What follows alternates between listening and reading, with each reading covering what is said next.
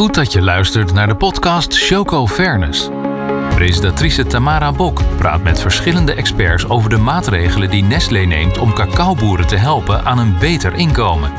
Want laten we eerlijk zijn, de cacao-industrie wordt nog te vaak in verband gebracht met armoede, kinderarbeid en ontbossing. Dat kan en moet beter. Welkom bij Choco Fairness, waarmee we de wereld induiken van de cacao-industrie. En dieper ingaan op wat nou eigenlijk een fatsoenlijk inkomen is voor een cacaoboer. Mijn naam is Tamara Bok en ik praat vandaag met Milan Slikker, directeur chocolade bij Nestlé. En Yuka Waard, senior onderzoeker bij Wageningen University and Research. De Nederlandse universiteit die hard werkt aan verbetering van voedsel, welzijn en de leefomgeving. En als laatste Rick Habraken, die is van het KIT, het Koninklijk Instituut voor de Tropen. Dat is een onafhankelijk kennisinstituut dat duurzame groei stimuleert. En zij allemaal weten alles, maar dan ook alles over misschien wel de meest favoriete lekkernij ter wereld.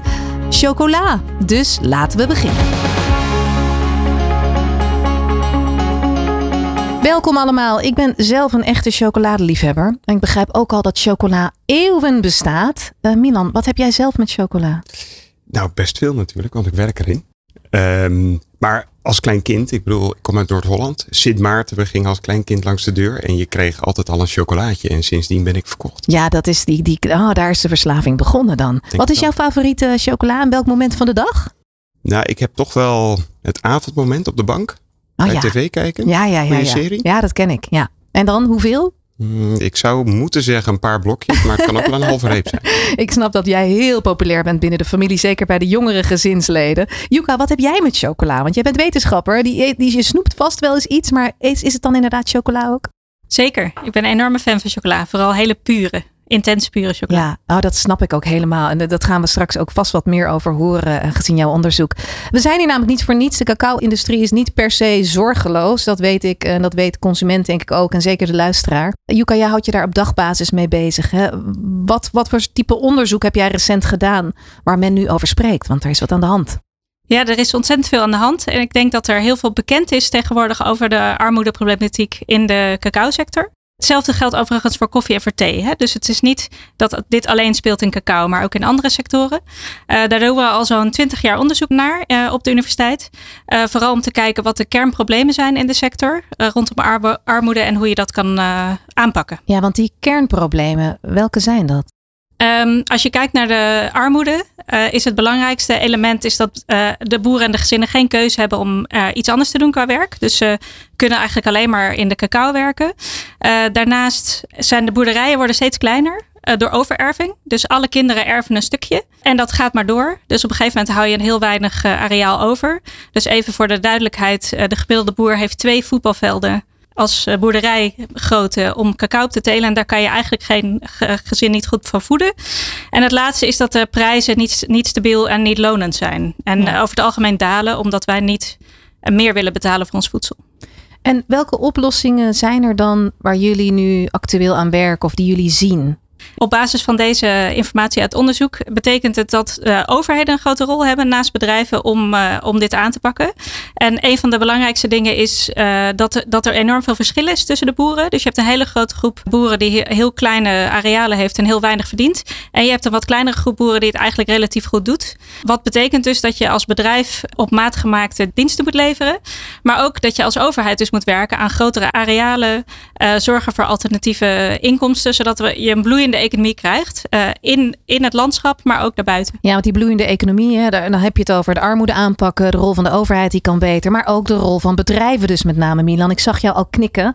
Wat, wat is um, jullie aanpak binnen Nestlé? Want dit zijn drie hele duidelijke punten van verbetering. Wat we sowieso al jaren doen, is dat we een Nestlé cacaoplan hebben. Dat wil zeggen dat wij investeren in gemeenschappen. We helpen bijvoorbeeld bij eh, het verbeteren van leefomstandigheden door een waterput te maken of door een school te bouwen echt investeringen daar doen om het leven beter te maken. Alleen wat we zien, en dat, uh, dat haakt eigenlijk in op wat, uh, wat Yuka aangeeft, is dat het nog niet het armoedeprobleem oplost. Nee, dus het maakt het leven wat beter, maar het armoedeprobleem lost het nog niet voldoende op. En daarom zijn we nu net begonnen met een, uh, een nieuw initiatief. Dat heet het Income Accelerator Program, waarmee we boeren gaan helpen om op een duurzame manier toe te werken naar een leefbaar inkomen. We hadden het eerder al over fatsoenlijk inkomen, Yuka, want dat is eigenlijk wat je moet zeggen. Waar moet ik dan aan denken? Uh, dat is zo'n rond de 6.500 uh, euro in uh. En dat is het bedrag om een fatsoenlijk leven te kunnen leiden volgens de lokale standaarden.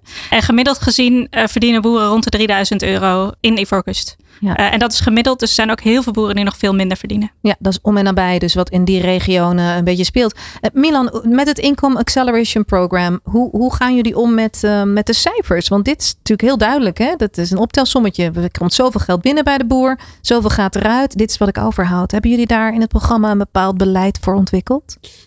Nou, sowieso de cijfers herken ik. Ja, dus we weten dat het ongeveer rond de 3000 dollar, euro ligt op dit moment. Um, en in het programma gaat het er juist om dat we op een duurzame manier toe gaan werken naar een hoger bedrag. Ja. Hè, richting dat leefbaar inkomen. Door bepaalde gedragingen te gaan doen. En wat zijn dat voor gedragingen? Uh, we hebben vier pilaren. Dus we gaan gewoon zeggen, hè, het is belangrijk, kinderen naar school. En we zeggen niet alleen dat dat belangrijk is, maar als jij het doet, geven we jou 100 euro. Okay. Dat is één. Uh, we willen dat mensen naast cacao nog een andere manier van geld verdienen. Daarnaast gaan doen. Dat wil zeggen, eh, je kan bijvoorbeeld eh, fruit gaan telen, kippen gaan houden, dingen die je lokaal kan verkopen. Wij bieden cursussen aan op onze kosten om dat te gaan doen. Als je je inschrijft voor zo'n cursus, krijg je 100 euro. Ja. Nog twee andere dingen. Uh, en dat raakt ook heel erg aan het ontbossingsprobleem. Is dat we aan mensen gaan vragen om schaduwbomen te planten op hun plantages. Niet ja. alleen goed voor herbebossing, maar ook goed voor de cacao, omdat er meer schaduw komt in de plantage. En de laatste is het snoeien. En dat klinkt heel bazaal. Maar als je nu bijvoorbeeld naar de Betuwe kijkt, zie je dat alle boeren dat doen. Zie je kleine bomen heel veel appels en peren. In die voorkust zou je denken, doen ze dat ook. Maar ze doen het nog te weinig. En we weten als je dat goed doet, dat jouw opbrengst tot wel kan verdubbelen. Dat is een hoop kennisdeling ook die ik hier hoor. Juka, hoe zit dat? Is dat inderdaad waar het gebrek is ontstaan? Dat we te weinig vanuit de industrie ook oplossingen aangedragen krijgen? Nou, ik denk dat er is al heel veel gebeurd. Hè? Dus de afgelopen twintig jaar is er enorm geïnvesteerd, ook door de industrie, om uh, uh, dingen te verbeteren. Maar wat we zagen is dat boeren heel vaak de, de trainingen die ze kregen niet uh, toepasten. Dus in het geval van snoeien is het punt dat, dat heel veel boeren heel oud zijn, of ze hebben geen arbeid die ze kunnen gebruiken, of ze weten niet precies hoe het werkt of hoe ze het moeten doen. En daar heeft Nestlé dus nu een, een oplossing voor gevonden om dat te stimuleren. En het andere is diversificatie. Dus dat is een moeilijke term voor meer inkomsten van dezelfde boerderij. Waarbij uh, er nu ja, support gegeven wordt voor, voor boeren om dat te gaan doen. Uh, wil ik wel benadrukken dat bij heel veel van die hele kleine boeren, die dus maar twee voetbalvelden hebben, dat heel lastig is om daar heel veel extra van te verdienen. Uh, maar voor juist voor die boeren alle beetjes helpen, zou ik bijna zeggen. Ja. dus sowieso is het ook belangrijk. En het is een interessant initiatief, maar daar kan Milan vast heel veel meer over vertellen. Is dat ze per huishouden een bedrag reserveren. En dat het dus niks te maken met, heeft met hoeveel ze produceren. Dus hoeveel cacao volume ja, ze want we, we, zijn al meteen de diepte ingegaan, jongens. Want het is eigenlijk heel duidelijk dat zo'n programma nodig is. En dat je op deze manier met vier pijlers ook gewoon kunt, kunt gaan handelen. Dat je kan ingrijpen. En ik hoor een hele hoop praktijkgerichte oplossingen. Maar we horen zo meteen ook even wat Nederlander van chocola vindt. Goed dat je luistert naar de podcast Choco Fairness met Tamara Bok. We gingen de straat op met de vraag: waar denk je het eerste aan als je het woord chocola zegt? Chocoladereep. Ja, liefst met nootjes. Lekker. Puistjes. Aan puur. Aan puur, warm puur? Nou, dan vind ik het lekkerst. Ja. ja. Waar denk je als eerste aan als ik zeg chocola? Uh, lekker. Smaakt goed. Ja, aan bonbons, uh, chocoladeletters, uh, eventueel ja, Sinterklaas misschien. Ja, ik ben natuurlijk een vrouw. Dat maakt me soms best wel gelukkig op sommige momenten. En welk moment uh, van de dag heb je nou, of van de week of van de maand, heb je nou het meest zin in chocola? Ja, toch wel als het de tijd van de maand is voor vrouwen, zeg maar. Dus als je ongesteld bent, dan uh, gaat er wel even zo'n reep naar binnen? Uh, ik probeer het zo min mogelijk te doen, maar het gebeurt wel eens, ja. Wanneer heb je nou het meest zin in zo'n chocola? Is dat dan in de avond of... Uh... Vlak voordat je gaat eten, als je trek krijgt. Dat is het lekkerste moment, ja. Vlak voor het eten, lekker trek. Mm, heerlijk. Soms bij de koffie. Ah, als ik het zie liggen wellicht. Ieder moment. Chocola is altijd goed? Ja, altijd goed, ja. S'avonds als ik uh, tv kijk op de bank. Dan denk je van, nu zou ik wel even zo'n reep chocola lusten. Ja, zeker. Zo'n beetje uh, rond de 4 uur, smiddags ongeveer. Um, ken je de slogan van, um, van KitKat? Uh, have a break, take a KitKat. Precies. En die van Rolo, weet je die toevallig ook? Uh, nee, ik moet wel gelijk aan die olifant denken. Iets met break? Ik hoorde de, de, de slogan van, van, van uh, Rolo niet voorbij komen, Milan. Wat is die? Ja, bedenk goed wat je met je laatste Rolo doet. Oh ja, verdraaid, ja. Dat is inderdaad. Nou, ik had ze gewoon al helemaal op, dat hele rolletje. En hij bestaat nog steeds. Het is een klassieker. Hij bestaat nog steeds. En niks aan veranderd? Nee, dat niet meer. Beste commercial aller tijd. Ja, inderdaad. Ik denk dat heel veel van jullie eh, merken ook eh, heel veel reclame-invloed hebben gehad. Want chocola is niet alleen maar, nou ja, lekker. Maar het is wel de grootste associatie die ermee is. Hè? Zeker weten. Ja, je hoort mensen net op straat. Eh, eigenlijk iedereen vindt het lekker. Trek, ik bedoel, als ik op kantoor zit, om vier uur s middags zijn wij eh, de meest bezochte afdeling. Kan Staat dat bij jullie ook letterlijk gewoon op elke afdeling? Ja, natuurlijk. Ja, you can eat what you want. Oh, wauw. Is dat dan een reden dat mensen denken... Vragen ze dat ook als ze komen solliciteren bij jullie? Dat wordt wel vaak gevraagd. ja, dat snap ik. Hey, maar hoe zit het nou eigenlijk met de geschiedenis van die cacaoboon? Want wij weten denk ik als Nederlanders heel weinig over dat hele proces. Laat staan over de problematieken die daar rondom hangen. Waar is het nou begonnen met die cacaoboon? Nou, ik denk wat veel mensen niet weten is dat het eigenlijk oorspronkelijk uit Mexico komt. Althans, voor wat we nu weten. De Azteken maakten daar een drankje van. En uiteindelijk, eh, om het heel snel te vertellen, is het eh, door ontdekkingsreizigers naar Europa gekomen. Om uiteindelijk, als in de 19e eeuw, volgens mij echt een chocoladereep met melkchocolade te worden. Ja, dus er was eerst chocomel voordat er... Nou nee, niet chocomel. Er was eerst een chocoladedrank voordat er een blok chocola was. Ja. Ik leer hier van alles weer. Hoe, hoe, dus eh, Mexico, dat is nieuw voor mij. Is het dan... ehm, die Mexicanen hebben het naar het Europese halfrond gebracht... of hebben die het naar Afrika gebracht? Waar, waar begint dat dan? Ik denk, maar daar kijk ik ook Yuka aan, dat dat vervolgens door de Europeanen naar Afrika is gebracht. En daar is het klimaat zo perfect. Echt midden op de evenaar. Want welke, welke landen, Juka, hebben we het dan over in Afrika? Vooral eh, Ivoorkust en Ghana, maar ook Cameroen en Nigeria. Dat zijn de vier landen waar we het over Ja, hebben. en Indonesië. Dus dat is ook een hele grote producent. En steeds meer Brazilië. Dus dat, de dingen verschuiven. Hè? Dus het zijn op heel veel plekken waar cacao. eh, Ja, het hangt natuurlijk ook van hoe, hoe is het klimaat en hoe ziet de grond Precies. eruit en, en et cetera. En, en is het dan zo dat ehm, je, je hebt het dan over vier, zes landen, denk ik dan gemiddeld, waar we, waar we cacao eh, planten. Hoeveel boeren hebben we dan mee te maken? Miljoenen, miljoenen boeren. Het zijn Ja. vaak hele kleine boeren, maar ook een aantal boeren die hele grote plantages hebben. Dus En, die, en die, die zorgen dus voor een hele gezin met zo'n inkomen. Ja. En over hoeveel mensen bestaat zo'n gezin dan gemiddeld, weten jullie dat? Ongeveer zes eh, tot acht. Zes Ligt tot acht mensen. Oké, dus onze lekkere KitKat die wij eten, dat, eh, dat wordt eh, door hele families wordt die eigenlijk voorzien. Nou is de KitKat natuurlijk niet, we hadden het eerder even voor, voor, de, voor de opname over wat voor chocola jij lekker vond, Yuka. Jij eet pure chocola. Is dat nou per se, dat hoor je wel eens, is dat nou per se beter? Ik kijk Milan, ik kijk jou even aan. Want Eh, Er worden bepaalde gezondheidsvoordelen aan toegedicht. Ik, eh, ik kan dat niet bewijzen nog ontkennen. Eh, er zit in ieder geval minder suiker in. is het de best verkochte vorm van chocola binnen jullie concern? Jullie schudden allebei heel hard nee. Nee, Nee, melkchocolade is by far het meest populair. Ja, en dat is waarschijnlijk wereldwijd zo, hè? want we eten het massaal. Ik heb in de auto hier naartoe ook weer wat genuttigd. een van jullie merken, merkte ik al. Maar wat doet nou precies zo'n cacaoboer en hoe verdient hij dan zijn geld? Hè? Ik, ik, stel me daar dan een cacaoplantage bij voor, maar hoe ziet dat er nou uit? Milan, kan jij dat schetsen? Ja, als je het qua grootte een beetje voor je ziet, één, twee voetbalvelden. Gewoon voetbalvelden zoals we ze hier kennen. En daarop staat maar één type boom, de cacaoboom. Die Ja. is een meter of drie, vier hoog ongeveer. En dat gewoon twee voetbalvelden vol. Ja, en daar, daar spendeert de cacaoboer zijn dag met gezin vaak. Daar bestaat dan ook de arbeid uit. Is, is zo'n cacaoplantage dan voldoende om, om voor zo'n hele familie te zorgen? Op dit moment niet. Nee. Dus je ziet eh, hè, eh, wat de opbrengst ook is vanaf die, eh, die twee voetbalvelden. Is dat nu niet voldoende om daar een leefbaar inkomen uit te Nee, dat is halen? gewoon te weinig. Hoe zit dat, Yuka, als je kijkt naar zo'n gezin, die verdeling, die rolverdeling? Man en vrouw zijn allebei aan het werk. Hebben ze dezelfde taken? Hoe werkt dat? Ze hebben meestal verschillende taken. In, eh, want bijvoorbeeld de zware arbeid wordt meer door mannen gedaan en de lichte arbeid door vrouwen. Vrouwen hebben daarnaast nog een grote rol in het opvoeden van de kinderen en het zorgen voor de kinderen. Nou, er is geen dagopvang of BSO.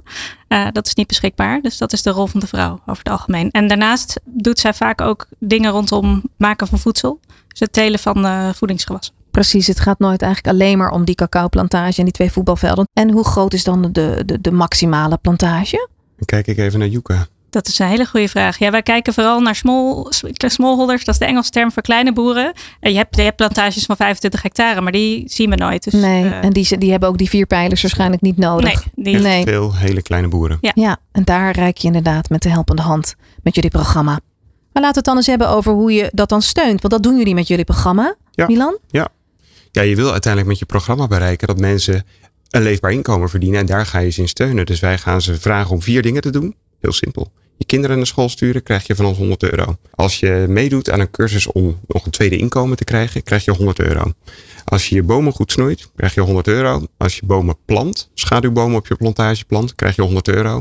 En als je ze allemaal doet, krijg je nog 100 euro extra. Dus 500 in totaal. Ja, en dat, dat met de schets Yuka van het dagelijks leven van een cacaoboer, dat geeft je dan een beetje nu een beeld van hoe, hoe, hoe is dan de, de effectiviteit van zo'n programma? Hè? Want is het zo dat de, dat laag inkomen ook een, een, een groot genoeg boost krijgt? Want we hebben het over 100 euro, dat is voor de gemiddelde luisteraar misschien, uh, nou ja, heel veel boodschappen doen. Hoe staat dat in verhouding? Is dit echt een, een goed middel om die inkomenseis of die inkomens uh, op, te, op te schroeven? Ja, wat we zien is dat de armsten die hebben 1000 euro per jaar of zelfs minder um, voor het hele gezin. Uh, dus dan is 100 euro is echt heel veel geld. Ja. En als ze dus meer dingen doen, dan is dat 500 euro. Uh, dus je, je kan een aardige boost geven aan dat boeren meer geld kunnen uitgeven aan uh, het verhogen van inkomen. Ja, want de kinderen naar school betekent dus ook dat ze niet hoeven te helpen op het land. Ja. Dan. Ja, dus dan pak je een aantal, aantal uitdagingen die daar liggen in die continenten ook wel heel erg uh, direct aan. En hoe moet ik dat voor de toekomst dan zien, uh, Milan? Is dit dan een programma dat jullie voort gaan zetten? is het, houdt het op een bepaald moment op? Wat, wat is de bedoeling? Nee, het houdt niet op. Het is juist het idee om het uit te rollen naar alle boeren die er behoefte aan hebben. Ja.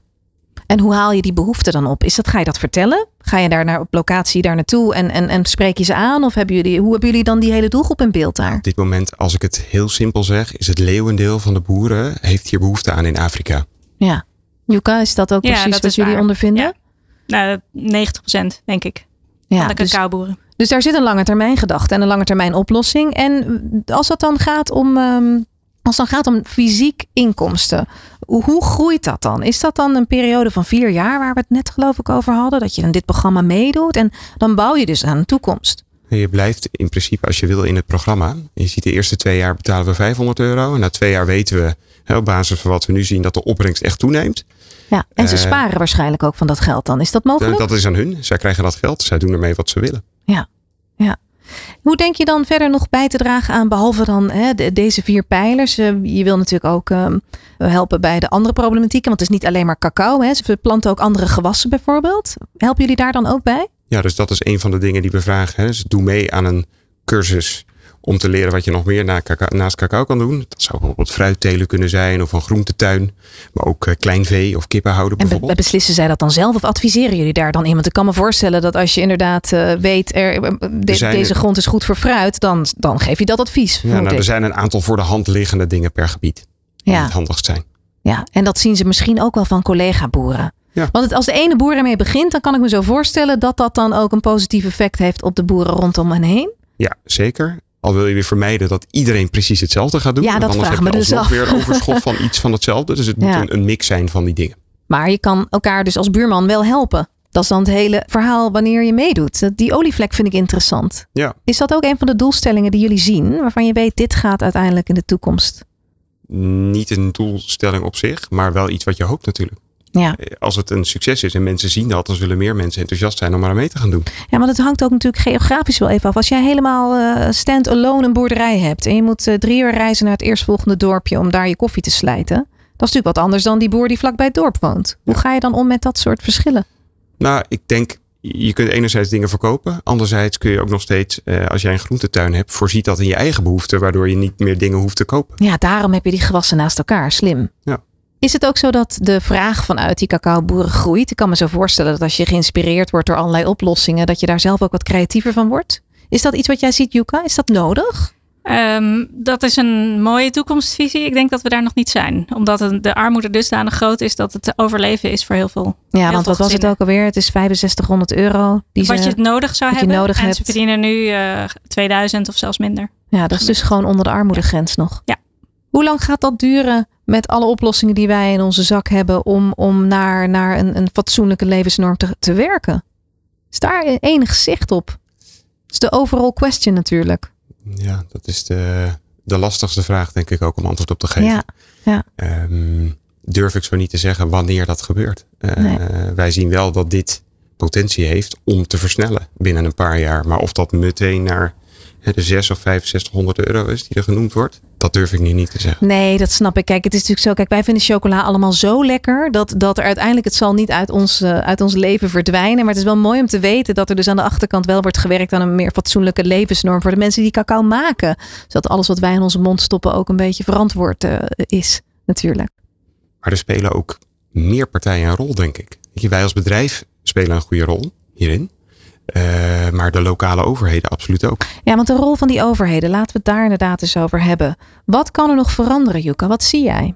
Ja, wat we nu vooral zien is dat de kosten van uh, voedsel bijvoorbeeld stijgen door de oorlog in Oekraïne. Dus uh, dat maakt het voor de boeren en de gezinnen nog steeds nog veel moeilijker om te overleven. Eigenlijk net zoals in Nederland, er is inflatie. Uh, dus dat zien wij ook in onze portemonnee. en daarnaast de, het toekomstperspectief op de landbouw. Uh, klinkt misschien ook heel bekend. In Nederland hebben we het daar op dit moment ook over. Uh, en vooral wat betreft de grootte van de boerderijen en de overerving. Dus uh, als het zo doorgaat, worden de boerderijen alleen maar veel kleiner. Dus dan heb je niet twee voetbalvelden of één, maar dan heb je een half voetbalveld over. En dan wordt het steeds moeilijker over generaties heen om een fatsoenlijk inkomen te verdienen. En wat voor gesprek heb je dan vanuit jullie programma met de, de overheid? Betrek je die erbij? Zeker, die heb je nodig om zo'n programma überhaupt uit te rollen. Maar wat Yuka nu bespreekt, dat is niet iets waar wij ons mee bemoeien. We zien dat. We zien daardoor de uitdaging. Ik denk wat we doen is een programma bieden wat geen onderscheid maakt. Dus of je nou tien voetbalvelden hebt of een half voetbalveld, dat maakt niet uit. Je kunt nog steeds die 500 euro krijgen, want dat gaat op basis van wat je doet en niet op basis van wat je oplevert. Ja. Maar ons daarmee bemoeien, nee, dat, dat doen we niet. Nee, jullie zijn natuurlijk als bedrijf betrokken en uh, kijken waar jullie impact kunnen maken. Maar laten we toch even wat langer stilstaan bij de rol van de overheid. Want hij is eerder genoemd door jou, Yuka. Maar kan je me nog eens vertellen wat dan precies. Hoe visualiseert zich dat? Want in Nederland zijn dingen heel goed geregeld, dat weten we allemaal. Maar in Afrika is dat natuurlijk een hele andere koek. Ja, ze hebben, de overheid heeft ook een stuk minder middelen om alles te doen. Uh, bijvoorbeeld uh, de boeren, waar we het nu over hebben, die betalen over het algemeen geen belasting. De bedrijven wel. Uh, dus het is een heel ander systeem. Dus ze hebben minder middelen om van alles te doen. En dat zie je dus ook aan dat er allerlei bedrijven en, en, en ook maatschappelijke organisaties bijvoorbeeld scholen financieren. Dat kinderen naar school kunnen gaan. Maar op welke steun kan een cacaoboer dan wel rekenen? Nou, de overheid is, uh, doet van alles aan voorlichting. Dus landbouwvoorlichting. Wel heel vaak samen met de bedrijven, hè, dus dat moet ik wel zeggen. En met uh, maatschappelijke organisaties. Ze hebben verder uh, initiatieven rondom het teruggaan van ontbossing en van kinderarbeid. En ze hebben nu ook een uh, initiatief rondom het verbeteren van inkomens. Rondom beprijzing van cacao. Oké, okay, dus dat, maar dat is dan in lijn met de pijlers die jullie in jullie programma hebben ontwikkeld. Ja, en het staat ernaast. Ja. precies wat Juka zegt. Zij bepalen bijvoorbeeld wat de minimale prijs moet zijn. En is die samenwerking met de overheid dan ook cruciaal, ook weer voor dat toekomstperspectief? En voelen mensen dat ook als vertrouwd en ondersteunend zoals wij dat hier voelen? Want de rol van de overheid is hier, wij zijn niet zo heel sceptisch, zeg ik er even vanuit mijn mening uh, bij. Hoe is dat daar dan? Ter plaatse? Nou, ik denk dat het vooral belangrijk is dat er meer gebeurt uh, om juist naar die toekomst toe te werken rondom dus de overerving. Want er, is, er zijn gewoon te weinig mogelijkheden om uh, echt een fatsoenlijk inkomen te verdienen, zelfs vanuit de cacao nog. Uh, dus daar heb je echt de overheid voor nodig om die economie uh, bloeiend te krijgen. En om te zorgen voor keus. Dat, een, dat iemand keus heeft waar, je, waar die wil en kan werken. Die keus, dat is dus wel waar denk ik ook het werkgeluk van de boer in zit op dit moment. Ja, inderdaad. Ook aan tafel vandaag bij mij Rick Habraken van het KIT, het onafhankelijke Koninklijk Instituut voor de Tropen. Dat zeg ik goed. Ja. Wat is jullie rol in het programma, Rick? Nou, onze rol is, uh, is drieledig. Dus allereerst uh, kijken we hoe de implementatie verloopt. Dus liggen de activiteiten op schema. Dus snoeien boeren hun uh, cacaobomen, planten ze fruitbomen en andere bomen, sturen ze hun kinderen naar school. Nou, daarnaast proberen we de lessen die we leren uit de implementatie ook te delen met bijvoorbeeld Nestlé en ook met allerlei andere organisaties binnen het programma. Dus denk bijvoorbeeld aan de boerencoöperaties, hè, waarin de boeren zijn georganiseerd en die ook een grote rol hebben in de implementatie van het project. Uh, maar ook allerlei andere organisaties uh, die bijvoorbeeld proberen uh, kinderarbeid aan te pakken. En ten derde, en misschien ook, ook wel het allerbelangrijkste, kijk ook naar de impact van het programma. Dus heeft het nut? Wat gaat goed? maar ook wat gaat niet zo goed? Wat zijn de dingen die we wellicht niet willen zien? En dat is natuurlijk ook onze rol als onafhankelijk onderzoeksinstituut om dat te signaleren. Nou, dan ben je dus ter plekke en dan kan je ook observeren, dat hoor ik al. Wat, wat, wat tref je daar dan letterlijk aan? Want wat zie ik dan? Ik, moet probeer me voor te stellen, je gaat naar Ivoorkust en dit is jouw plan, dit is je rol in het programma. Maar hoe ziet dat er dan uit? Nou ja, je moet je dus voorstellen om die drie dingen te doen. Uh, proberen we dus heel veel te praten uh, met boerenfamilies. Te interviewen over hun economische omstandigheden. Dus ja, die, die bezoeken we. En je moet je voorstellen, zo'n zo'n boerenfamilie bestaat ongeveer uit uh, zeven, acht mensen in een huishouden. de helft ongeveer volwassenen, de andere helft kinderen. En ze zijn afhankelijk natuurlijk van een cacaoproductie. Dus gemiddeld genomen zo'n drie hectare land met cacaobomen. Dus ja. dat zijn ongeveer drie voetbalvelden.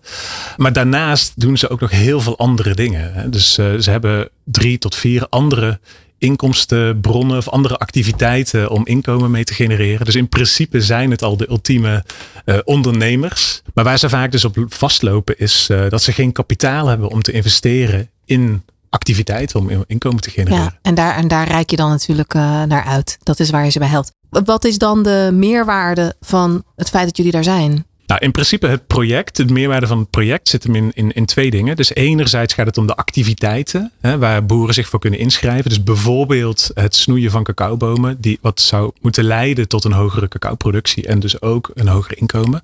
Maar anderzijds gaat het natuurlijk ook om een directe, wat we dan noemen een cash transfer, dus een geldoverdracht.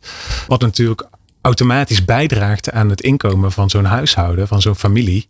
Uh, en wat natuurlijk ook direct besteedbaar is. Ja, dus dat is wel echt de meerwaarde uh, voor, voor, voor, voor grote gezinnen die erg afhankelijk zijn ook natuurlijk van allerlei verschillende bronnen van inkomsten. Dat zei je al. Meerwaarde van zo'n cash transfer zit hem vooral aan het feit dat het niet gekoppeld is aan cacao-productie of productiviteit van de boerderij. Maar dat het dus vooral, en daardoor is het vooral van meerwaarde voor arme families die wellicht minder land hebben en daardoor dus ook minder productie hebben. Ja, dus de resultaten zijn positief. Nou, daarvoor uh, is het op zich nu nog te vroeg. Maar we zien al wel dat uh, als je het hebt, bijvoorbeeld over het snoeien van cacaobomen, dat nu 100% van alle boerenfamilies in het programma dat, uh, dat doen. Tegenover bijvoorbeeld 50% van, van boeren die niet deelnemen in het project. Ja.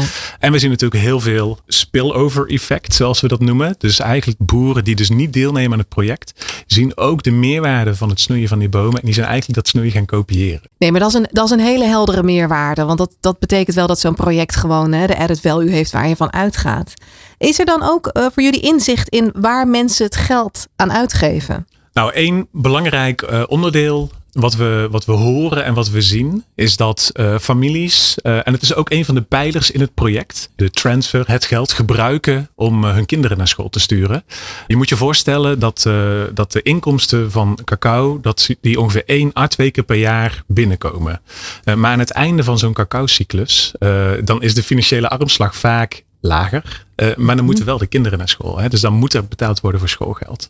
Dan moeten er uniformen gekocht worden. Dan moeten er schriften en boeken. Ja, die datum die laat zich niet sturen door een inkomstenbron natuurlijk. Nee, dus de timing van zo'n zo'n zo'n overdracht, van zo'n transfer, is natuurlijk enorm belangrijk. Ja, en jullie zorgen er dus dan voor dat dat geld op het moment dat het nodig is, er ook daadwerkelijk is. Nou, we benoemen in ieder geval het belang van het tijdig overmaken van het geld. En zijn boeren ook wel eens terughoudend dan met tips die jullie bijvoorbeeld geven? Nou, als je kijkt naar de activiteiten van het programma, dan zie je bijvoorbeeld wel um, uh, in het begin met uh, het snoeien van de bomen bijvoorbeeld. Hè, dus een van de eerste pijlers.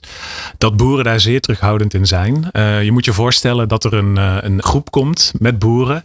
Die ook, al, ook vaak cacaoboeren. Die dus de, de cacaoboer helpt met het snoeien van één hectare land. Dus één voetbalveld met cacaobomen. Maar voor je ogen zie je dus dat de helft van de boom wordt afgezaagd. Maar als jij ja. voor drie vierde van jouw inkomen afhankelijk bent van cacao, dan kan ik me goed voorstellen dat je dus twijfelt en dat je terughoudend bent in deelname in zo'n eh, project. Dus pas als je ziet bij anderen dat het effect heeft, ja, dan ben je natuurlijk veel sneller geneigd om, uh, om, om daar ook aan uh, deel te nemen. Maar het duurt een jaar totdat zo'n zo'n boom weer een beetje floreert, toch? Of dat, ja, een half jaar denk ik, een jaar. Ja, dus, dus dat zie je dan verdwijnen en dat, uh, je weet ja. dat dat nog een hele tijd duurt voordat hij weer een beetje opbloeit. Dus. Ja. Als je kijkt naar het aantal boeren, uh, dat is aangesloten bij het programma. Wat is dan nog een wens? Nou, in principe loopt de pilot nu een dik jaar. Uh, dat is met duizend huishoudens. Hè. Dus we hebben het niet enkel over boeren, maar echt over het hele huishouden. Overigens gaat de helft van de, de cash transfer ook naar de vrouw. Dus niet enkel naar de boer, die in uh, 95% van de gevallen toch een man is. Dus de pilot uh, loopt nu een jaar met duizend huishoudens. Dit jaar is er uh, begonnen met het opschalen van het project naar uh, 10.000 huishoudens. En alle activiteiten, dus die vier pijlers die, die Milan ook al heeft benoemd eerder, die worden op dit moment daar dus ook uitgerold. En die hebben dus die twee drie voetbalvelden per gezin en die zeven familieleden ongeveer, toch? Dat Ja. is een beetje waar we dan eh, naar kijken. Ja, wat ook belangrijk is wat betreft die cash transfer, is dus dat huishoudens, eh, families, dus versterkt worden in de keuzes die ze zelf eh, willen maken. Zo'n huishouden weet zelf natuurlijk het beste wat belangrijk is ja. in hun eigen omgeving. Eh, en door zo'n geldoverdracht, door zo'n transfer, kunnen ze ook daadwerkelijk die keuzes maken. Dat geldt natuurlijk voor het hele huishouden. Ehm, maar het is ook belangrijk om te benoemen dat de helft naar de vrouw gaat. En dat versterkt natuurlijk ook haar positie. Hoe versterkt dat haar positie? Nou, dat ze natuurlijk ook zelf zeggenschap heeft over de, de overdracht. Dus, dus ik vul het even in dan, maar dat is dus toch nog steeds wel een mannenrol veel in Ivoorkust, waar jullie zitten nu. Nou ja, 95% van de boeren eh, is man. Ja. ja, precies. Dus je geeft vrouwen ook een stukje zelfstandigheid daarin binnen die familiedynamiek. Dat is wel het onderdeel van het programma. Ja. Nou, mooi. Nou, heel veel succes met eh, alle werkzaamheden. Je gaat binnenkort weer naar Ivoorkust, begreep ik. Ja, klopt. Oké, dus ze komen en gaan. Veel succes en hartelijk dank. Bedankt voor het luisteren naar de podcast Showco Fairness. Wil jij meer weten over het Income Accelerator programma? Ga dan naar nestle.nl.